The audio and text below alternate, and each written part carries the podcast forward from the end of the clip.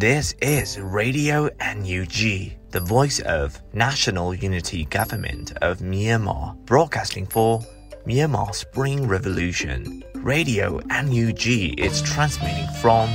shortwave 16 meter 17.79 megahertz at 8:30 a.m. and 25 meter 11.94 megahertz at 8:30 p.m. Myanmar Standard Time. မင်္ဂလာပါခင်ဗျာ အမျိုးသားညီညွတ်ရေးအစိုးရရဲ့အတန်လွင့်ဌာန Radio NUG ကိုမနက်ပိုင်း၈နာရီခွဲမှာလိုင်းတို16မီတာစက္ကန့်တက်သမ9 MHz ညပိုင်း၈နာရီခွဲမှာလိုင်းတို25မီတာ17တက်သမ6 MHz တို့မှာဓာတ်ရိုက်ဖမ်းယူနိုင်နိုင်ပါပြီ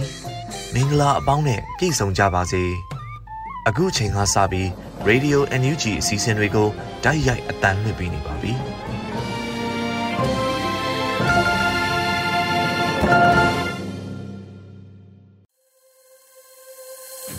ကျမ်းမာတော်မူကြပါရလားခင်ဗျာမင်္ဂလာနေ့နဲ့ခင်းပါလို့ရေဒီယို UNG ဝိုင်းတော်သားတွေကနှုတ်ခွန်းဆက်တာပါတယ်အမျိုးသားညီညွတ်ရေးအစိုးရရဲ့အတန်လွှင့်ဌာနရေဒီယို UNG ကမနေ့ခင်းအစီအစဉ်များထုတ်လွှင့်ဖို့ချိန်ရောက်လာပါပြီပထမဆုံးအနေနဲ့ကာကွယ်ရေးဝန်ကြီးဌာနရဲ့နေ့စဉ်စစ်ရေးသတင်းအကျဉ်းချုပ်ကိုတင်ပြပေးပါမယ်စောတဲလူနေကဖတ်ကြားထားပါတယ်ခင်ဗျာမင်္ဂလာပါအမျိုးသားညီညွတ်ရေးဆိုရာ ကာကွယ်ရေးဝန်ကြီးဌာနမှနေ့စဉ်ထုတ်ဝေတဲ့စီးရေးသတင်းအကျဉ်းချုပ်များကိုစတင်တင်ပြပေးပါမယ်။သတင်းများအရစစ်ကောင်စီတပ်သား9ဦးသေဆုံးပြီး10ဦးထိခိုက်ဒဏ်ရာရရှိခဲ့ကြောင်းသတင်းရရှိပါရခင်ဗျာ။စစ်ကောင်စီနဲ့တိုက်ပွဲဖြစ်ပွားမှုများမှာမကွေးတိုင်းတွင်နိုဝင်ဘာလ၁ရက်နေ့မနက်9:40မိနစ်ခန့်ကထီလင်းမြို့နယ်ကြားခဲ့ကျေးရွာတွင်ညအိတ်ခဲ့ပြီးပမြင့်ကျေးရွာဘက်သို့စစ်ကြောင်းထိုးဝင်ရောက်လာခဲ့သောအင်အား100ခန့်ပါစစ်ကောင်စီစစ်ကြောင်းအတွင်မှာအင်အား9ဦးခန့်ရှိသောစစ်ကောင်စီစစ်ကြောင်းငယ်တစ်ခုအား ရောကာကွယ်ရေးအတွက် YDF ထီးလင်းမှာပျောက်ကြားစနစ်ဖြင့်တိုက်ခိုက်ခဲ့ရာစစ်ကောင်စီတပ်သား၄ဦးသေဆုံးပြီး၅ဦးပြင်းထန်စွာဒဏ်ရာရရှိခဲ့ကြောင်းသတင်းရရှိပါရခင်ဗျာမန္တလေးတိုင်းတွင်နိုဝင်ဘာလ၁ရက်နေ့မနက်9နာရီခန့်ကမြင်းကြံမြို့နယ်ကြားတိုင်းရွာရှိအရက်ဆိုင်တဆိုင်တွင်ဝိုင်းဖွဲ့အရက်တော့ဖဲရိုက်နေကြသောချမ်းမြသာစီမြို့နယ်နေပြူစောတိအဖွဲ့ဝင်တအုပ်ဖြစ်သည့်ဗိုလ်ကြီးခအောင်ကိုကိုကို MB9 အဖွဲ့မှပြစ်ခတ်တိုက်ခိုက်ခဲ့ရာ ကြောဘက်ကြည်ဖောက်ဝင်တန်ရာဖြင့်တိတ်ဆုံးသွားခဲ့ကြောင်းသတင်းရရှိပါရခင်ဗျာပဲခူးတိုင်းတွင်အော်တိုဘာလ31ရက်နေ့မနက်10:40မိနစ်ခန့်ကဖြူးမြို့နယ်ကညွတ်ကွင်းနယ်မြေရဲစခန်းရှိတွင်အပြင်မှပြန်လာသည့်ရဲများကိုဖြူးမြို့နယ်ငကပတ်ပျောက်ကြားအဖွဲ့ကနန်းထရောက်စစ်စင်ရေးအနေဖြင့်မိုင်းဆွဲတိုက်ခိုက်ခဲ့ရာနေတိုင်းရဲတပ်ရက်ကြီးတနုဝမ်ဘိုက်ကိုမိုင်းစထိမှန်ပြီးပြင်းထန်ဒဏ်ရာရရှိခဲ့ကရဲတပ်သားကောင်းထက်ကျော်နှင့်ဝေယံတို့မှ6ထောက်ထိခိုက်ဒဏ်ရာရရှိခဲ့ကြောင်းသတင်းရရှိပါရခင်ဗျာ။ စစ်ကောင်စီကျူးလွန်သောရာဇဝတ်မှုများမှာရခိုင်ပြည်နယ်တွင်အော်တိုဘာလ၁ရက်နေ့မနက်7:30မိနစ်ခန့်ကကြောက်တော်မြို့နယ် PC ကျေးရွာသို့စစ်ကောင်စီတပ်မကိုကပြစ်ခတ်လိုက်သောလက်နက်ကြီးကြီးကြားရောက်ပောက်ကွဲပြီး PC ကျေးရွာမှဦးကိုစိုးဝင်အသက်45နှစ်ဇနီးဖြစ်သူဒေါ်တန်းတန်းဝေအသက်42နှစ်သမီးဖြစ်သူမတ်ဖြိုစုဝေအသက်73နှစ်တို့သေဆုံးခဲ့ကြောင်းသတင်းရရှိပါရခင်ဗျာ။ကရင်နီကရားပြည်နယ်တွင် နိုဝင်ဘာလ၁ရက်နေ့ကလွိုင်ကော်မြို့နယ်လစ်ဖုံးကြီးရွာနှင့်ဝမ်ပန်ရွာတွင်စစ်ကောင်စီမှပြစ်လိုက်သောလက်နက်ကြီးကြားရောက်၍ပြည်သူနေအိမ်များထိခိုက်ပျက်စီးပြီးပြည်သူ၄ဦးထိခိုက်ဒဏ်ရာရရှိခဲ့ကြောင်းသတင်းရရှိပါရခင်ဗျာ။စကိုင်းတိုင်းတွင်နိုဝင်ဘာလ၁ရက်နေ့မနက်၈နာရီခန့်ကဒဇယ်မြို့နယ်ဂရိတ်ကျေးရွာသို့စစ်ကောင်စီတပ်သားများဝင်ရောက်ခဲ့ပြီးနေအိမ်များကိုမိရှို့ဖျက်ဆီးခဲ့ကြောင်းသတင်းရရှိပါရခင်ဗျာ။ အောက်တိုဘာလ31ရက်နေ့မနက်9:50မိနစ်ခန့်ကကမ်ဘလူမြို့နယ်ကမ်ဘလူတောင်ဘက်အချမ်းမဲသေးကျေးရွာသို့စစ်ကောင်စီတပ်သားများဝင်ရောက်ခဲ့ပြီးနေအိမ်18လုံးစိုက်ကယ်2စီးအားမီးရှို့ဖျက်ဆီးခဲ့ကြောင်းရုပ်အလောင်းများကိုလည်းမီးရှို့ထားခဲ့ကြောင်းသတင်းရရှိပါရခင်ဗျာအောက်တိုဘာလ31ရက်နေ့မနက်အစောပိုင်းကမုံရွာမြို့နယ်တောပူကျေးရွာရှိ ဥခိုင်စိုးကိုတောပုကျေးရွာပြူစောတိ6ဦးတို့မှမေးစရာရှိသည်ဟုဆိုကလာရောက်ခေါ်ဆောင်သွားပြီးမနက်ပိုင်းတွင်အလောင်းကိုတောပုကျေးရွာတောင်ဘက်ကလေကွင်းအတွင်တွေ့ရှိခဲ့ရကြောင်းသတင်းရရှိပါရခင်ဗျာအော်တိုဘာလ31ရက်နေ့ကမုံရွာမြို့နယ်တောပုကျေးရွာရှေ့ပိုင်းမှာကိုလက်သီးအားပြူစောတိများမှတပ်ဖြတ်ခဲ့ကြောင်းသတင်းရရှိပါရခင်ဗျာမကွေးတိုင်းတွင်အော်တိုဘာလ31ရက်နေ့နနက်ပိုင်းက ထီလင်းမြို့နယ်အတွင်းသို့စစ်ကြောင်းထိုးဝင်နေသောစစ်ကောင်စီစစ်ကြောင်းကထီလင်းမြို့ပေါ်မှတဆင်ကြားခဲကျေးရွာဘက်သို့စစ်ကောင်စီနှင့်ပြူစောတိပူးပေါင်းတပ်သား105ဦးခန့်ဖြင့်အကြမ်းဖက်ဝင်ရောက်မိရှို့ခဲ့ကဖိုးသားကြီးအမည်ရှိစိတ်ဝေဒနာရှင်ပြည်သူတအုပ်ဟာအကြမ်းဖက်ရိုက်နှက်ခဲ့၍ပြည်သူပိုင်နေအိမ်16လုံးကိုမိရှို့ဖျက်ဆီးခဲ့ပါတယ်။စစ်ကြောင်းပြန်လည်ထွက်ခွာစဉ်ပကဖပအဖနဲ့ဒေသကာကွယ်ရေးတပ်ဖွဲ့များဝင်ရောက်ကာမီးငိမ့်နိုင်မှုကြောင့်နေအိမ်စကွန်းလုံးအနက်6လုံးကိုသာလျင်တချို့တဝက်မီးငိမ့်တက်နိုင်ခဲ့ကြောင်းသိရရှိပါရခင်ဗျာ။ အောက်တိုဘာလ31ရက်နေ့ကတောင်တွင်းကြီးမြို့နယ်အမျိုးသားဒီမိုကရေစီအဖွဲ့ချုပ် NLD ပါတီ၏တိုင်းလွှတ်တော်ကိုယ်စားလှယ်ဦးဝင်းမြင့်လိုက်အားစစ်ကောင်စီတရားရေးမန်တိုင်းမကွေးခရိုင်တရားရုံးခုံရုံး၃ခုမှာရခိုင်အမိန့်ချပြီးဖြစ်သောရာဇသက်ကြီးပုံမှ905ကကြီးအပါအဝင်ငါးမှုဖြင့်ထောင်ဒဏ်25နှစ်အပြင်အကြမ်းဖက်မှုတိုက်ဖျက်ရေးဥပဒေပုံမှ51ကဖြင့်အမှုရှင်းမှုအတွက်ထောင်ဒဏ်48နှစ်ပုံမှ54အမှု၄မှုဖြင့်ထောင်ဒဏ်280ပုံမှ90ကကြီး ထောင်ဒဏ်15နှစ်ပုံမှ52ကဖြင့်ထောင်ဒဏ်5နှစ်အသီးသီးချမှတ်၍စုစုပေါင်းထောင်ဒဏ်183နှစ်ချမှတ်ခဲ့ပြီးလက်ရှိအချိန်တွင်မကွေးမြို့နယ်ဒေါင်းနေထောင်အတွင်းတွင်တန်ချေချင်းခက်ကတိုက်ပိတ်ထားခြင်းခံရကြောင်းသိရရှိပါရခင်ဗျာအော်တိုဘာလ31ရက်နေ့ကနမောင်မြို့နယ်နမောင်မြို့မှဈေးဝယ်ပြန်လာသောစံအိတ်အလုံး30ကျော်တင်ဆောင်လာပြီးအိုင်မရွာကန်ကုန်တင်ကားတစ်စီးအားဖတ်တော်ရည်ကြီးရွာတွင်တပ်ဆွဲထားသောစစ်ကောင်စီတပ်ဖွဲ့မှဖမ်းဆီးထိန်းသိမ်းခဲ့ကြောင်းသိရရှိပါရခင်ဗျာ ရန်ကုန်တိုင်းတွင်အော်တိုဘာလ31ရက်နေ့ကလမ်းမတော်မြို့နယ်26အောက်လမ်းမှအသက်20အရွယ်မျိုးသမီးတအူကိုစစ်ကောင်စီအဖွဲ့ဝင်များမှဖမ်းဆီးခဲ့ကြောင်းသိရရှိပါရခင်ဗျာတနင်္သာရီတိုင်းတွင်အောက်တိုဘာလ31ရက်နေ့မနက်9:20မိနစ်ခန့်ကတနင်္သာရီမြို့နယ်အမှတ်၄ထုံခါစခန်းမှာအကျဉ်းသား၄ဦးထွက်ပြေးသည့်အတွက်စစ်ကောင်စီတပ်သားများလိုက်လံဖမ်းဆီးရာထုံခါရအနီးစီအုံတော်အတွင်းတွင်တနက်ချက်20ခန့်ပစ်ခတ်ခဲ့ပြီးနှစ်ဦးသေဆုံးက နှစ်ဦးဒဏ်ရာဖြင့်ပြန်လည်ဖမ်းဆီးခံခဲ့ရကြောင်းသိရရှိပါရခင်ဗျာ။အော်တိုဘာလ31ရက်နေ့ကတနင်္သာရီမြို့နယ်တွင်စစ်ကောင်စီတပ်သားများ၏ရန်တမ်းပစ်ခတ်မှုကြောင့်ညောင်မင်ကွင်းရွာမှအမျိုးသားတအုပ်နှင့်အမျိုးသမီးငယ်တအုပ်ပြင်းထန်ထန်ရရှိကဗိတ်ဆေးရုံသို့ပို့ဆောင်ခဲ့ရကြောင်းသတင်းရရှိပါရခင်ဗျာယခုဖော်ပြပါသတင်းများကိုမြေပြင်သတင်းတာဝန်ခံများနဲ့သတင်းဌာနများမှဖော်ပြလာသောအချက်အလက်များပေါ်အခြေခံပြုစုထားခြင်းဖြစ်ပါတယ်ကျွန်တော်စောတယ်လူနေပါ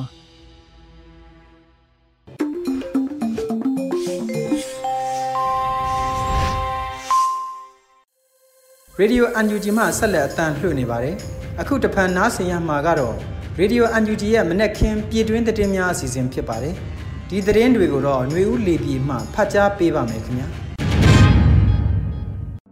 မင်္ဂလာပါရှင်ရေဒီယို UNG ရဲ့နိုဝင်ဘာလ2ရက်နေ့မနက်ပိုင်းပြည်တွင်းသတင်းများကိုဖတ်ကြားတင်ပြပေးတော့မှာဖြစ်ပါတယ်။ကျွန်မຫນွေဦးလေပြည်ပါ။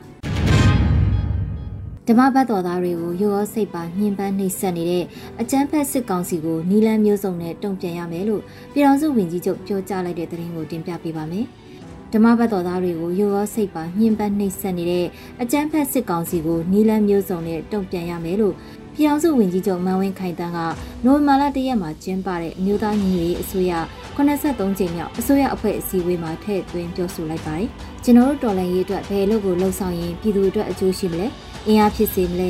ဘယ်လို့ကိုလှုပ်ဆောင်ရင်အကြမ်းဖက်စစ်ကောင်စီတွေအထိနာစီမလဲအထိနာတယ်ဆိုတာမှလည်းရုပ်ပိုင်းဆိုင်ရာအထိနာဖို့လိုအပ်တယ်လို့စိတ်ပိုင်းဆိုင်ရာထိခိုက်အောင်လည်းလုပ်ဖို့လိုအပ်ပါတယ်ကျွန်တော်တို့ဓမ္မပတ်တော်သားတွေကိုရိုးရောစိတ်ပါညှဉ်းပန်းနှိပ်စက်နေတဲ့အကြမ်းဖက်သမားတွေကိုကျွန်တော်တို့အနေနဲ့လည်းနီလန်းမျိုးစုံနဲ့တုံ့ပြန်ရမှာဖြစ်ပါတယ်လို့ပြည်ထောင်စုဝန်ကြီးချုပ်ကတုံ့ပြန်လိုက်တာဖြစ်ပါတယ်ဒါပြင်ဝန်ကြီးဌာနတွေအနေနဲ့တနစ်အစီအစဉ်အတွက်ကဏ္ဍအလိုက်လှုပ်ဆောင်ရမှာတွေတချို့ဝန်ကြီးဌာနတွေက ၄ခု၅ခုလောက်ပေါင်းဆက်လှုပ်ဆောင်ရမှအောင်မြင်ရမှာတွေပါဝင်နေလို့အချင်းချင်းတိုင်ပင်ဆွေးနွေးပြီးကောင်းမွန်တဲ့အစီအစဉ်တွေချမှတ်နိုင်ဖို့ဒီနေ့အစီအစဉ်အတွက်ထိထိရောက်ရောက်အကျိုးရှိစေဖို့အတွက်တိုင်ပင်စ조사လှုပ်ဆောင်ကြဖို့အတွက်လည်းပြည်ထောင်စုဝန်ကြီးချုပ်ကတိုက်တွန်းပြောကြားခဲ့ပါတယ်။အစည်းအဝေးကိုပြည်ထောင်စုဝန်ကြီးချုပ်မန်ဝင်းခိုင်တန်အပါအဝင်ပြည်ထောင်စုဝန်ကြီးတွေဒူဝန်ကြီးတွေတက်ရောက်ခဲ့ကြပါတယ်ရှင်။ဆက်လက်ပြီးပြည်သူ့ကာကွယ်ရေးတပ်မတော် PDF အနေနဲ့ចောင်းသား တက်မတော်အပေါ်ညီနောင်ရဲဘော်ရဲဘက်များအဖြစ်မှတ်ယူပြီးဖြစ်တယ်လို့ကာကွယ်ရေးဝန်ကြီးဦးရင်မွန်ဆိုလိုက်တဲ့သတင်းကိုတင်ပြပေးပါမယ်။ပြည်သူ့ကာကွယ်ရေးတပ်မတော် PDF အနေနဲ့ចောင်းသားတက်မတော်အပေါ်ညီနောင်ရဲဘော်ရဲဘက်များအဖြစ်မှတ်ယူပြီးဖြစ်တယ်လို့ကာကွယ်ရေးဝန်ကြီးဌာနပြည်ထောင်စုဝန်ကြီးဦးရင်မွန်ကနိုဝင်ဘာလ၁ရက်မှာကြာရောက်တဲ့မြန်မာနိုင်ငံလုံးဆိုင်ရာចောင်းသားများဒီမိုကရက်တစ်တပ်ဦးတည်ထောင်ခြင်း34နှစ်ပြည့်သို့ပေးပို့တဲ့တဝင်လောင်မှာထည့်သွင်းပြောကြားလိုက်တာပဲဖြစ်ပါတယ်။တော်လိုင်းလောကရန်အမျိုးမျိုးကို ဘလို့ပင်ကြုံခဲ့ရပေမဲ့လည်းအခုလိုတန်မဏိတက်ရှည်ရက်တီရှင်တန်ခဲ့တယ်ဆိုတာက ABSDF ရဲဘော်တွေအတွက်ကောမြန်မာပြည်သူတွေအတွက်ပါဂုဏ်ယူစရာဖြစ်ပါတယ်။ပြည်သူ့ကာကွယ်ရေးတပ်မတော် PDF အနေနဲ့ဆိုရင်ចောင်းသားတက်မတော်အပေါ်ညီနောင်ရဲဘော်ရဲဘက်များအဖြစ်မှတ်ယူပြီးဖြစ်တယ်လို့လည်းထည့်သွင်းပြောကြားခဲ့ပါတယ်။ မြန်မာနိုင်ငံလုံးဆိုင်ရာចောင်းသားများဒီမိုကရက်တစ်တပ်ဦး ABSDF ကို1988ခုနှစ်နိုဝင်ဘာလ1ရက်နေ့ကလေးကစတင်ဖွဲ့စည်းခဲ့ပြီး2021ခုနှစ်စစ်တပ်တဖန်အာဏာသိမ်းချိန်အထိလက်နက်ကင်တော်လှန်ရေးတပ်ဖွဲ့အဖြစ်ယနေ့တိုင်ဆက်လက်တိုက်ပွဲဝင်နေစေဖြစ်ပါတယ်ရှင်။ ဆက်လက်ပြီးဝန်ဒေးချဲလန်လှုပ်ရှားမှုကနေဆက်သက်ချိန်မြောက်ဒေါ်လာသသိန်းကိုအမျိုးသားညီညွတ်ရေးအစိုးရ NUG ထံကိုပေးပို့ပြီးစီးတဲ့သတင်းကိုတင်ပြပေးပါမယ်။ဆက်သက်ချိန်မြောက်အဖြစ်ဝန်ဒေးချဲလန်လှုပ်ရှားမှုမှာဒေါ်လာသသိန်းကိုအမျိုးသားညီညွတ်ရေးအစိုးရ NUG ထံပေးပို့ပြီးစီးခဲ့ပါတယ်။အခုလိုတော်လန်ရေးအင်အားစုတွေအတွက် NUG အစိုးရထံထောက်ပံ့ပေးနိုင်ခဲ့တာနဲ့ပတ်သက်လို့နိုဝင်ဘာလ၁ရက်နေ့မှာစစ်အာဏာသိမ်းမှုစန့်ကျင်ရေးကော်မတီကိုရီးယားကအခုလိုဖော်ပြပါတယ်။ ဆီယနာသိမ်းမှုစန့်ကျင်ရေးကော်မတီကိုရီးယားအနေနဲ့2021ခုနှစ်အောက်တိုဘာလကနေ2022ခုနှစ်အောက်တိုဘာလအထိရရှိခဲ့တဲ့ One Day Challenge လှူရှားမှုရန်ပုံငွေအနက်ကလစဉ်ဒေါ်လာ3သိန်းနဲ့ညီမျှတဲ့ဝန်ငွေကိုအမျိုးသားညီညွတ်ရေးအစိုးရ NUG ထံကိုပေးပို့လာရမှာ 2022ခုနှစ်အောက်တိုဘာလ28ရက်နေ့အထိစုစုပေါင်းဒေါ်လာ73သိန်းကိုပေးပို့ခဲ့ပြီးဖြစ်ပါတယ်လို့ဖော်ပြခဲ့ကြပါတယ်။အမျိုးသားညီညွတ်ရေးအစိုးရ NUG ရဲ့ယာယီသမရဒူဝါလက်ရှိလာကလစဉ် One Day Challenge ထောက်ပံ့ငွေဒေါ်လာ3သိန်းကိုကောင်းမွန်စွာလက်ခံရရှိကြောင်းမှတ်တမ်းတင်ကွန်ပျူတာတွေကိုလည်းပြန်လည်ပေးပို့ခဲ့ရမှာ2022ခုနှစ်အောက်တိုဘာလ29ရက်နေ့မှာ17ကြိမ်မြောက်ကွန်ပျူတာပေးပို့ခဲ့ခြင်းဖြစ်တယ်လို့သတင်းရရှိပါတယ်ရှင်။ ဆက်လက်ပြီးတစ်တော်နဲ့ပတ်ဝန်းကျင်ဆိုင်ရာတက္ကသိုလ်ရေစင်းမှတစ်တော်ပညာနဲ့ပတ်ဝန်းကျင်ဆိုင်ရာပညာအထူးပြုဘာသာရပ်တွေအတွက်ပထမနေ့ဝင်ခွင့်လျှောက်လာခေါ်ယူလိုက်တဲ့သတင်းကိုတင်ပြပေးပါမယ်။တစ်တော်နဲ့ပတ်ဝန်းကျင်ဆိုင်ရာတက္ကသိုလ်ရေစင်းမှတစ်တော်ပညာနဲ့ပတ်ဝန်းကျင်ဆိုင်ရာပညာအထူးပြုဘာသာရပ်တွေအတွက်ပထမနေ့ဝင်ခွင့်လျှောက်လာတွေကိုခေါ်ယူလျက်ရှိပါတယ်။အဆိုပါသင်တန်းတွေကို2022ခုနှစ်ဒီဇင်ဘာလမှာဖွင့်လှစ်သွားမှာဖြစ်ပြီးတော့ တစ်တောပညာဘာသာအထူးပြုအတွက်တရားဦးနဲ့ပတ်ဝန်းကျင်ဆိုင်ရာအထူးပြုဘာသာရဲ့အတွက်တရားဦးစုစုပေါင်းလူဦးရေ200ကိုကြားမအချိုးတူခေါ်ယူသွားမှာဖြစ်ပါတယ်။လျှောက်ထားသူဟာကြားမရေးကောင်းမွန်သူအယောင်ကိုခွဲခြားနိုင်သူ2020တက္ကသိုလ်ဝင်ဆောင်ပွဲအောင်မြင်ထားသူဖြစ်ရမယ်လို့သိရှိရပါတယ်ရှင်။ ရခိုင်ပြည်နယ်ကြောက်တော်မြို့အခြေဆိုင်စစ်စင်ရေးကုကဲမှုဌာနချုပ်စကခကိုမှလက်နက်ကြီးတွေနဲ့ရန်တမ်းပစ်ခတ်ခဲ့ရာအရက်သားနေကိုထိမှန်လို့အိပ်ပျော်နေတဲ့မိသားစုဝင်သုံးဦးသေဆုံးတဲ့သတင်းကိုလည်းတင်ပြပေးပါမယ်။ရခိုင်ပြည်နယ်ကြောက်တော်မြို့အခြေဆိုင်စစ်စင်ရေးကုကဲမှုဌာနချုပ်စကခကိုမှ လက်နက်ကြီးတွေနဲ့ရန်တမ်းပစ်ခတ်ခဲ့ရမှာအရက်သားနေကိုထိမှန်လို့အိပ်ပျော်နေတဲ့မိသားစုဝင်၃ဦးသေဆုံးခဲ့ပါတယ်။အော်တိုဘာလ31ရက်နေ့ည7:00နာရီခန့်အချိန်မှာရခိုင်ပြည်နယ်ကြောက်တော်မြို့အခြေစိုက်စစ်စေးရေးကုကဲမှုဌာနချုပ်စကခကူကနေလက်နက်ကြီးတွေနဲ့ရန်တမ်းပစ်ခတ်ခဲ့လို့လက်နက်ကြီးကြီးတစ်လုံးမှာကြောက်တော်မြို့နယ် PC ကျေးရွာမှာရှိတဲ့နေအိမ်တစ်လုံးအနီးကိုကြားရောက်ပောက်ကွဲခဲ့ပါတယ်။ လက်နက်ကြီးကြားရောက်ပောက်ကွဲမှုကြောင့်အဆိုပါနေရင်အတွင်းမှာအိပ်ပျော်နေတဲ့မိသားစုဝင်၃ဦးဟာအခင်းဖြစ်ပွားရာနေရာမှာပဲတေဆုံးခဲ့တယ်လို့ AABB သတင်းတွေကဖော်ပြကြပါတယ်။ဒါပြင်၎င်းတို့ပိုင်ဆိုင်တဲ့နွားလေးကောင်လည်းထိမှန်တေဆုံးခဲ့ပါသေးတယ်။တိုင်းပြည်အာဏာကိုစစ်တပ်ကလက်နက်အားကိုးနဲ့သိမ်းယူခဲ့ပြီးတဲ့နောက်မှာမျိုးဦးတော်လှန်ရေးကာလအတွင်းကြာဆုံးခဲ့ရသူစုစုပေါင်းက2409ဦးရှိခဲ့ပြီဖြစ်ပါတယ်ရှင်။ အခုဆက်လက်ပြီးအော်တိုဘာလတလတာအတွင်းကရင်ပြည်နယ်အတွင်းတိုက်ပွဲပေါင်း32ကြိမ်ဖြစ်ပွားခဲ့ပြီးစစ်ကောင်စီတပ်သား28ဦးသေဆုံးတဲ့သတင်းကိုလည်းတင်ပြပေးပါမယ်။အော်တိုဘာလတလတာအတွင်းကရင်ပြည်နယ်အတွင်းမှာတိုက်ပွဲပေါင်း32ကြိမ်ဖြစ်ပွားခဲ့ပြီးစစ်ကောင်စီတပ်သား28ဦးသေဆုံးခဲ့တယ်လို့သတင်းရရှိပါတယ်။နိုဝင်ဘာလ1ရက်နေ့မှာအခုလိုအော်တိုဘာလတလတာစီရေးအခြေအနေကို KNDF ကအသိပေးဖော်ပြလိုက်တာဖြစ်ပါတယ်။အော်တိုဘာလတလအတွင်းလွိုက်ကော်မြို့နယ်ရှန်ကယားနယ်စပ်မှာ တိုက်ပွဲတွေပြင်းထန်ပြီးရှားတော်ဘလော်ခဲနဲ့ဖရူဆိုမြို့နယ်တို့မှာကရင်နီပူးပေါင်းတပ်တွေကစစ်ကောင်စီတပ်စခန်းတွေနဲ့ကင်းမုံစခန်းတွေကိုအရှိန်မြင့်တိုက်ခတ်ခဲ့ပြီးဒီမော့ဆိုနဲ့ရကောင်မြို့ပတ်ဝန်းကျင်ကျေးရွာတွေမှာလည်းနှစ်ဖက်ထိတွေ့တိုက်ပွဲတွေဖြစ်ပွားခဲ့တယ်လို့ဖော်ပြပါရှိပါတယ်။နှစ်ဖက်ထိတွေ့မှုကရင်ပြည်နယ်အတွင်းမှာတိုက်ပွဲပေါင်း32ကြိမ်ဖြစ်ပွားခဲ့ရမှာ စစ်ကောင်စီတပ်သား28ဦးသေဆုံးပြီး18ဦးဒဏ်ရာရခဲ့ပါတယ်။ထို့အတူပဲစစ်ကောင်စီတပ်မ66မှတပ်သား2ဦးပြည်သူဘက်ကိုဗတ်ပြောင်း CDM ပြုလုပ်ခဲ့ပါတယ်။အော်တိုဘာလအတွင်းအကြမ်းဖက်စစ်ကောင်စီတပ်တွေကိုခုခံတိုက်ခိုက်ရမှာ KNDF ကရဲဘော်9ဦးလည်းရဲရင်ကုန်ပြောင်စွာကြာဆုံးခဲ့ရတယ်လို့ KNDF သတင်းတွေအရသိရှိရပါတယ်ရှင်။ အခုဆက်လက်ပြီးထီလင်းမြို့နယ်ကြားခဲရွာကိုအကြမ်းဖက်စစ်တပ်ကမီးရှို့ဖျက်ဆီးရမှာလူနေအိမ်၁၄လုံးမီးလောင်ဆုံးရှုံးရတဲ့သတင်းကိုလည်းတင်ပြပေးပါမယ်။မကွေးတိုင်းထီလင်းမြို့နယ်ကြားခဲရွာကိုအကြမ်းဖက်စစ်တပ်ကမီးရှို့ဖျက်ဆီးရမှာလူနေအိမ်၁၄လုံးမီးလောင်ဆုံးရှုံးခဲ့ရပါတယ်။နိုဝင်ဘာလ၁ရက်မနက်9:00နာရီခွဲမှာအဆိုပါကြားခဲရွာကိုအကြမ်းဖက်စစ်တပ်ကမီးရှို့ခဲ့တယ်လို့ People's Defense Force ထီလင်းကအတီးပြုတ်ဖော်ပြထားပါတယ်။ နိုဝင်ဘာလ၁ရက်မနက်9:00နာရီခွဲအချိန်မှာကြားခဲရွာကိုစစ်ကောင်စီအဖွဲ့ဝင်တွေကစတင်မိရှို့ခဲ့ပြီးလူနေအိမ်၁၄လုံးပြကြခဲ့ပါတယ်။ကြံနေအနေငယ်နဲ့နွားတဲလည်းပျက်စီးခဲ့ပါတယ်လို့သိရပါတယ်။ထို့နောက်ကြားခဲရွာအတွင်းမှာမိုင်းကွင်းနှစ်နေရာပောက်ကွဲခဲ့ပြီးစစ်ကောင်စီတပ်ဆုပ်လမ်းမှာလည်းမိုင်းကွင်းတနေရာပောက်ကွဲခဲ့ရာအထိခိုက်ကြဆုံးစင်းကိုတော့မသိရသေးပါဘူး။လက်ရှိမှာပြည်သူများအနေနဲ့စစ်ကောင်စီတပ်စစ်ကြောင်းတွေရှိပါကစစ်ကြောင်းဥတီယာလမ်းကြောင်းတွေကိုမသွားကြဖို့ People's Defense Force တီလင်းကအသိပေးထုတ်ပြန်ထားပါတယ်ရှင်။အခုနောက်ဆုံးအနေနဲ့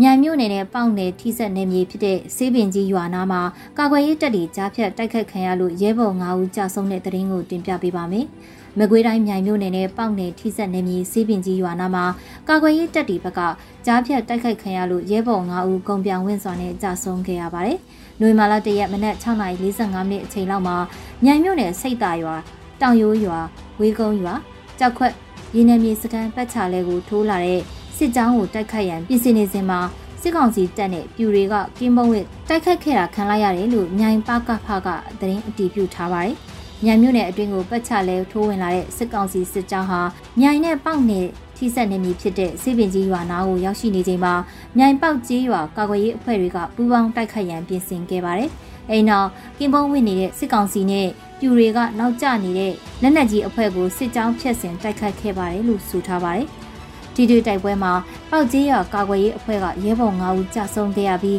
2ဦးကတော့ထွက်ပြေးလွတ်မြောက်ခဲ့တယ်လို့သတင်းများရသိရှိရပါတယ်ရှင်။အခုတင်ပြပေးခဲ့တဲ့သတင်းတွေကိုတော့ Radio NUG သတင်းတောက်မင်းမင်းကပေးပို့ထားတာဖြစ်ပါတယ်ရှင်။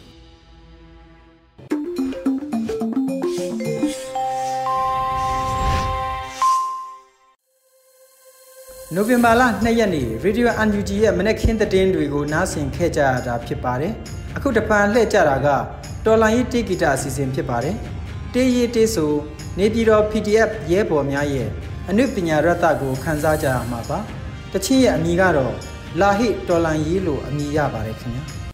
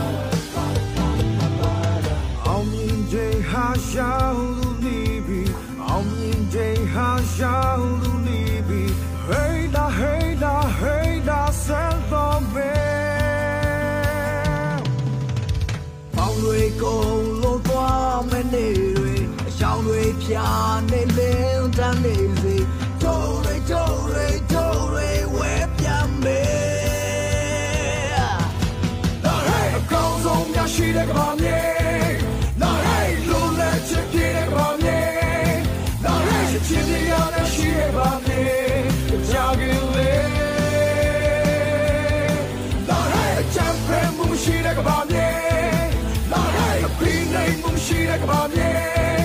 La hey စစ်တဲ့တော့ရှိတဲ့ကဘာမြေကြာကြလေကာရိုရီယာအောင်တူသွားမယ်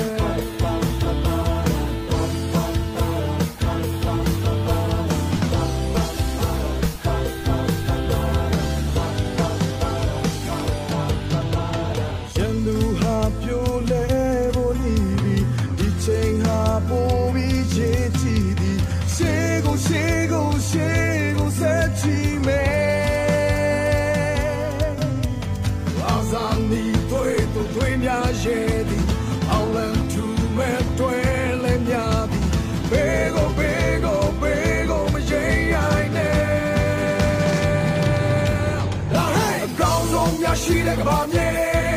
La hey လုံးလက်ချစ်ပြည့်တဲ့ကဘာမြေ La hey ချစ်ချင်တရားများရှိတဲ့ကဘာမြေကြာကြလေ La hey ချမ်းဖဲမှုမရှိတဲ့ကဘာမြေ La hey ပြီးနိုင်မှုမရှိတဲ့ကဘာမြေ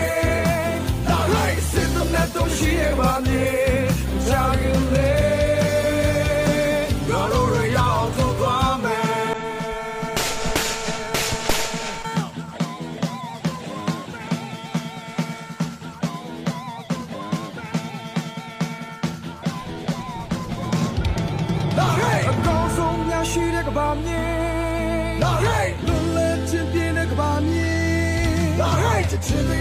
ရားများရှိတဲ့ကဘာမြေမကြခင်လေလာဟိုင်းချမ်းဖမ်းမှုရှိတဲ့ကဘာမြေ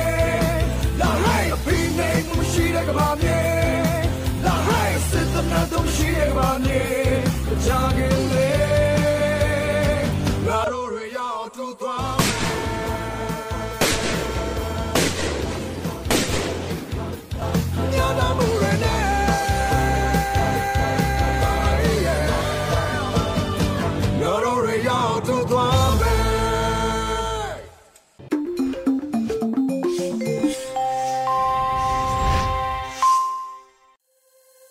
တောတာရှင်များခင်ဗျာ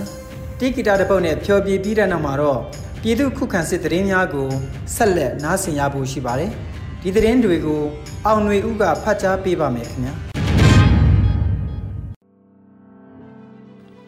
ပထမဦးစွာမြင်းမှုတွင်ကင်းမုံဝင်းရန်သွားသည့်စစ်ကြောင်းကိုဒရုန်းဖြင့်ဘုံကျဲခဲ့တဲ့သတင်းကိုတင်ဆက်ပါမယ်။စကိုင်းတိုင်းမြင်းမှုမြို့နယ်တွင်ကင်းမုံဝင်းရန်သွားသည့်အကြမ်းဖက်စစ်တပ်ရဲ့စစ်ကြောင်းကိုယနေ့ဒရုန်းဖြင့်ဘုံကျဲတက်ခတ်ခဲ့ရာ စစ်သား2ဦးတေဆုံးကြောင်းမင်းညံ0ပျောက်ကြားတပ်ဖွဲ့ကိုတက်ကြီးထံမှသိရပါတယ်။နိုဝင်ဘာ1ရက်နေ့နနက်10:30မိနစ်20အချိန်စကိုင်းတိုင်းမြင်းမှုမြို့နယ်ထီဆောင်ကျေးရွာမှရှေ့မြောက်ဘက်သို့ကင်းမုံဝင်းရန်ထွက်ခွာလာသည့်စစ်ကောင်စီတပ်သား20ဝန်းကျင်ကိုဒရုန်းဖြင့်ဘုံကျဲတိုက်ခိုက်ခဲ့ကြောင်းဘုံကျဲရာတွင်အုံပြသည့်ဘုံဒီမှာ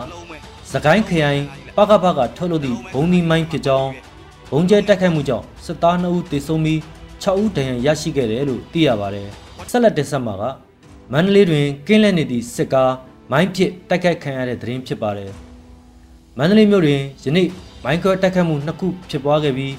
အမှတ်7ရဲစခန်းဤတွင်အချုပ်ကားလုံခြုံရေးစစ်ကောင်စီတပ်ဖွဲ့ဝင်များမိုင်းဆွဲခံရခြင်းနဲ့အောင်မြေတာဆန်တွင်ကင်းလက်နေသည့်စစ်ကား3စီးမိုင်းဆွဲခံရခြင်းတို့ဖြစ်ပါတယ်။နိုဝင်ဘာ1ရက်နေ့နနက်9:30မိနစ်30ဝန်းကျင်ချိန်တွင်88လမ်း42လမ်းတောက် အမှတ်7ရဲစခန်းနီးအချုပ်ကားဘုံဒုခံရကြောင်းအချုပ်ကားမောင်းရဲနှုတ်နှင့်ရက်ဝေရဲချုပ်ထိခိုက်ဒဏ်ရာရကလူနာတင်ရင်ဖြင့်ခေါ်ဆော်သွားကြောင်းစစ်တပ်ကပိတ်ဆို့စစ်ဆေးနေကြောင်းမန္တလေးသတင်းရင်းမြစ် VO1 D1 ကဖော်ပြပါတယ်။ရန်ကုန်မန္တလေးအမြန်လမ်းပိုင်းတွင်စစ်ကားတစ်စီးမိုင်းဆွဲခံရတဲ့သတင်းကိုဆက်လက်တင်ဆက်ပါမယ်။ရန်ကုန်မန္တလေးအမြန်လမ်းပိုင်းတွင်စစ်ကားတစ်စီးမိုင်းဆွဲတိုက်ခိုက်ခံရပြီးဗိုလ်ကြီးတဦးပါဝင်2ဦးသေဆုံးခဲ့တယ်လို့ NVDF ထံမှသိရပါတယ်။အော်တိုဘာလ31ရက်နေ့နနက်9:00နာရီဝန်းကျင်ချိန်တွင်ရန်ကုန်မန္တလေးအမြန်လမ်းပိုင်း၌မန္တလေးမှရန်ကုန်ဘက်သို့မောင်းနှင်လာသည့်အင်အား40ခန့်မှစစ်ကားတစ်စီးကိုမန်နိုင်320ခန့်တွင်နထိုးကြီး Fever Defense Force အဖွဲ့မှမိုင်းဆွဲတိုက်ခိုက်ခဲ့တာဖြစ်ပါတယ်။နောက်ဆုံးတွင်လည်းတိုက်ပွဲတွေအတွင်းစစ်ကောင်စီ15ဦးသေဆုံးခဲ့တယ်လို့ဒဇယ် PDF ကထုတ်ပြန်ခဲ့တဲ့သတင်းကိုတင်ဆက်ပါမယ်။စကိုင်းတိုင်းဒဇယ်မြို့နယ်နှင့်ကမ်မလုံမြို့နယ်တို့တွင်စစ်တပ်နှင့် ဒဇယ် PDF တို့နှစ်ရက်အတွင်းတိုက်ပွဲ၃ကြိမ်ထိတွေ့ဖြစ်ပွားခဲ့ပြီးစစ်ကောင်စီတပ်သား15ဦးထက်မနည်းသေဆုံးခဲ့ကဒဏ်ရာရသူများပြားခဲ့ကြောင်းဒဇယ် PDF ကထုတ်ပြန်ထားပါတယ်။ဒဇယ်မြို့နယ်မဟာမြိုင်တောဆက်ရှိဂရိတ်ရွာအနီးသို့အင်အားအလုံးအဖြစ်စစ်ကြောင်းထိုးလာသောစစ်ကောင်စီတပ်ကိုရှူဘိုခရိုင်တပ်ဖွဲ့ဒဇယ် PDF ရှူဘိုခရိုင်တရင်6ပူးပေါင်းဖွဲ့တို့ကတိုက်ခိုက်ခဲ့ရာထိတိတိုက်ပွဲနှစ်ကြိမ်ဖြစ်ပွားခဲ့ပြီးစစ်ကောင်စီတပ်သား15ဦးထက်မနည်း သေဆုံးခဲ့ကအများပြားဒဏ်ရာရရှိခဲ့တယ်လို့ဒဇယ် PDF ကထုတ်ပြန်ထားပါတယ်ခင်ဗျာ။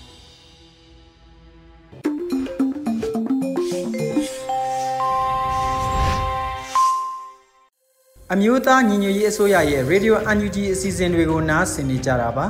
နောက်ဆုံးအစီအစဉ်အနေနဲ့ PPTV နေ့စဉ်သတင်းတွေကိုထက်ထက်အင်ဒရာအောင်ကဖတ်ကြားတင်ပြပေးပါတော့မယ်ခင်ဗျာ အခုချိန်ကစပြီး PPTV သတင်းတွေကိုတင်ဆက်ပြီးတော့မှာပါကျွန်မထက်ထက်အင်ဒရာအောင်ပါ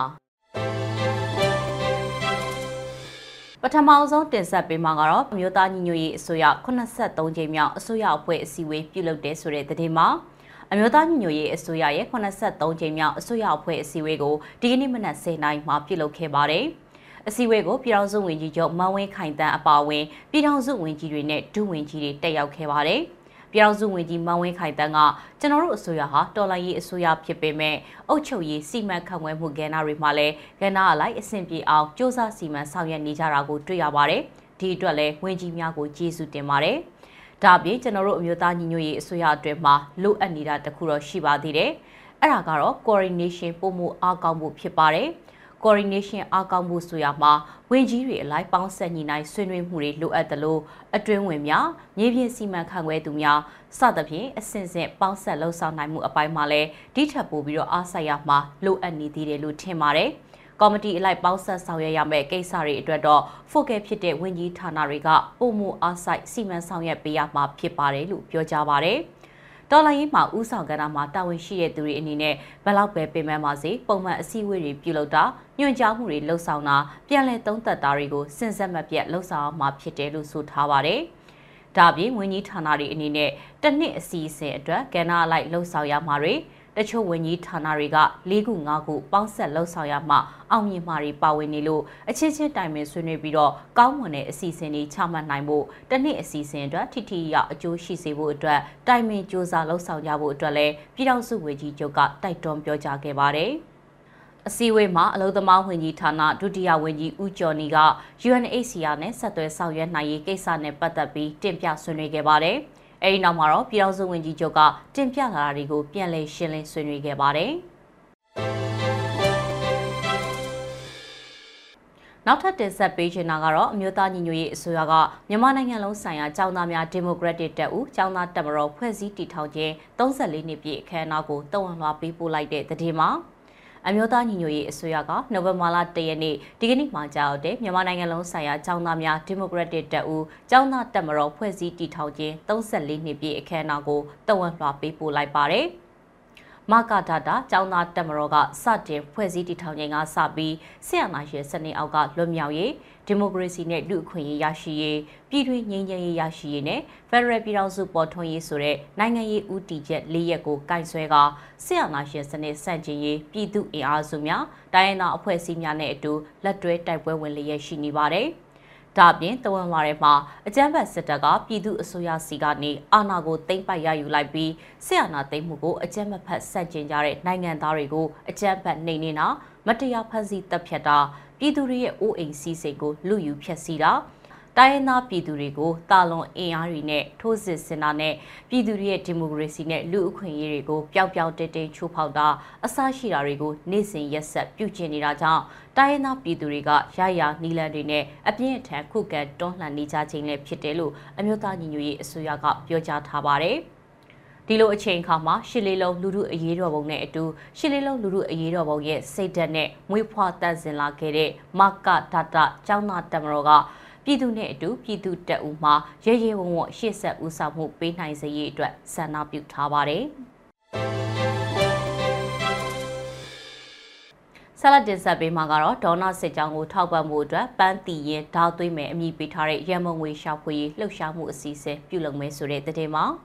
ဒေါနာစစ်ကြောင်းကိုထောက်ပံ့မှုအတွက်ရည်ရွယ်ပြီးတော့ပန်းတီရင်ဓာသွေးမယ်အမည်ပေးထားတဲ့ရန်မုံငွေရှာဖွေရေးလှုပ်ရှားမှုအစီအစဉ်ကိုလှုပ်ဆောင်နေတာပါ။ကျွန်တော်တို့ဒီကမ်ပိန်းကိုနှစ်ပတ်တိတိပြုလုပ်သွားမှာဖြစ်ပြီးတော့ကမ်ပိန်းကနေတိန်းတထောင်ရဖို့မျှော်မှန်းထားပါတယ်။ ရရှိလာသမျှရန်ပုံငွေတွေကိုဒေါနာစစ်ကြောင်းရဲ့စစ်ရေးအတုံးစရိတ်လက်နက်ခဲယံဖြည့်တင်းမှုအတွက်အပြည့်အဝအသုံးချသွားမှာဖြစ်ပါတယ်။မြန်မာနိုင်ငံအပါအဝင်စာလုံးမလေးရှားထိုင်းကိုရီးယားဂျပန်ဩစတြေးလျဒိန်းမတ်နဲ့ US တို့ကနေလည်းဓာတ်ရိုက်ထောက်ပံ့နိုင်ပါတယ်လို့ကမ်ပိန်းအစီအစဉ်ကနေကြေညာထားပါတယ်။နိုင်ငံအနှံ့မှာခုခံတွန်းလှန်စစ်တွေပြင်းထန်လာတာနဲ့အတူစစ်ရေးအုံစရိတ်ပုံမူလိုအပ်လာတဲ့အတွက် fundraising campaign တွေပြုလုပ်ပြီးတော့ပြည်သူတွေရဲ့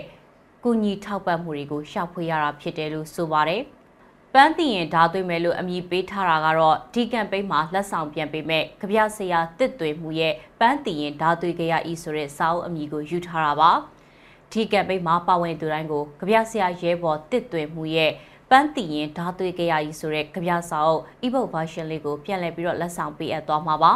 ပြည်ရင်းကထည့်ဝင်မဲ့သူတွေအနေနဲ့ကန်တယ်ဖျောင်းနိုင် page ကနေတစ်ဆင့်ဆက်သွယ်နိုင်ပြီးပြည်ပကထည့်ဝင်မဲ့သူတွေအနေနဲ့ We Are One အဖွဲ့ရဲ့ Facebook page ကနေပြီးတော့ဓာတ်ရိုက်ကူညီထောက်ပံ့နိုင်ပါတယ်ကျေးဇူးတင်ပါတယ်ရှင်ဒီကနေ့ကတော့ဒီညနေပဲ Radio NUG ရဲ့အစည်းအဝေးတွေကိုခਿੱတရရနိုင်ပါမယ် မြန်မာစံတော်ချိန်မနက်၈နာရီခွဲနဲ့ည၈နာရီခွဲအချိန်တွေမှာပြန်လည်ဆုံးဖြတ်ကြပါစို့ Radio NUG ကိုမနက်ပိုင်း၈နာရီခွဲမှာလိုင်းဒို16မီတာစက္ကန့်တသမ9 MHz ညပိုင်း၈နာရီခွဲမှာလိုင်းဒို25မီတာ17သမ6 MHz တို့မှာဓာတ်ရိုက်ဖမ်းယူနားဆင်နိုင်ပါပြီမြန်မာနိုင်ငံသူနိုင်ငံသားများကိုစိတ်နှပြချမ်းမာချမ်းသာလို့ဘေးကင်းလုံခြုံကြပါစေလို့ Radio NUG အဖွဲ့သူအဖွဲ့သားများကဆုတောင်းလိုက်ရပါတယ်။အမျိုးသားညီညွတ်ရေးအစိုးရရဲ့စက်သွေးရေးတရင်အချက်အလက်နဲ့ဤပညာဝန်ကြီးဌာနကထုတ်လွှင့်နေတဲ့ Radio NUG ဖြစ်ပါတယ်။ San Francisco Bay Area အခြေစိုက်မြန်မာမိသားစုများနဲ့နိုင်ငံတကာကစေတနာရှင်များလှုပ်အားပေးများရဲ့ Radio NUG ဖြစ်ပါတယ်။အရေးတော်ပုံအောင်ရမည်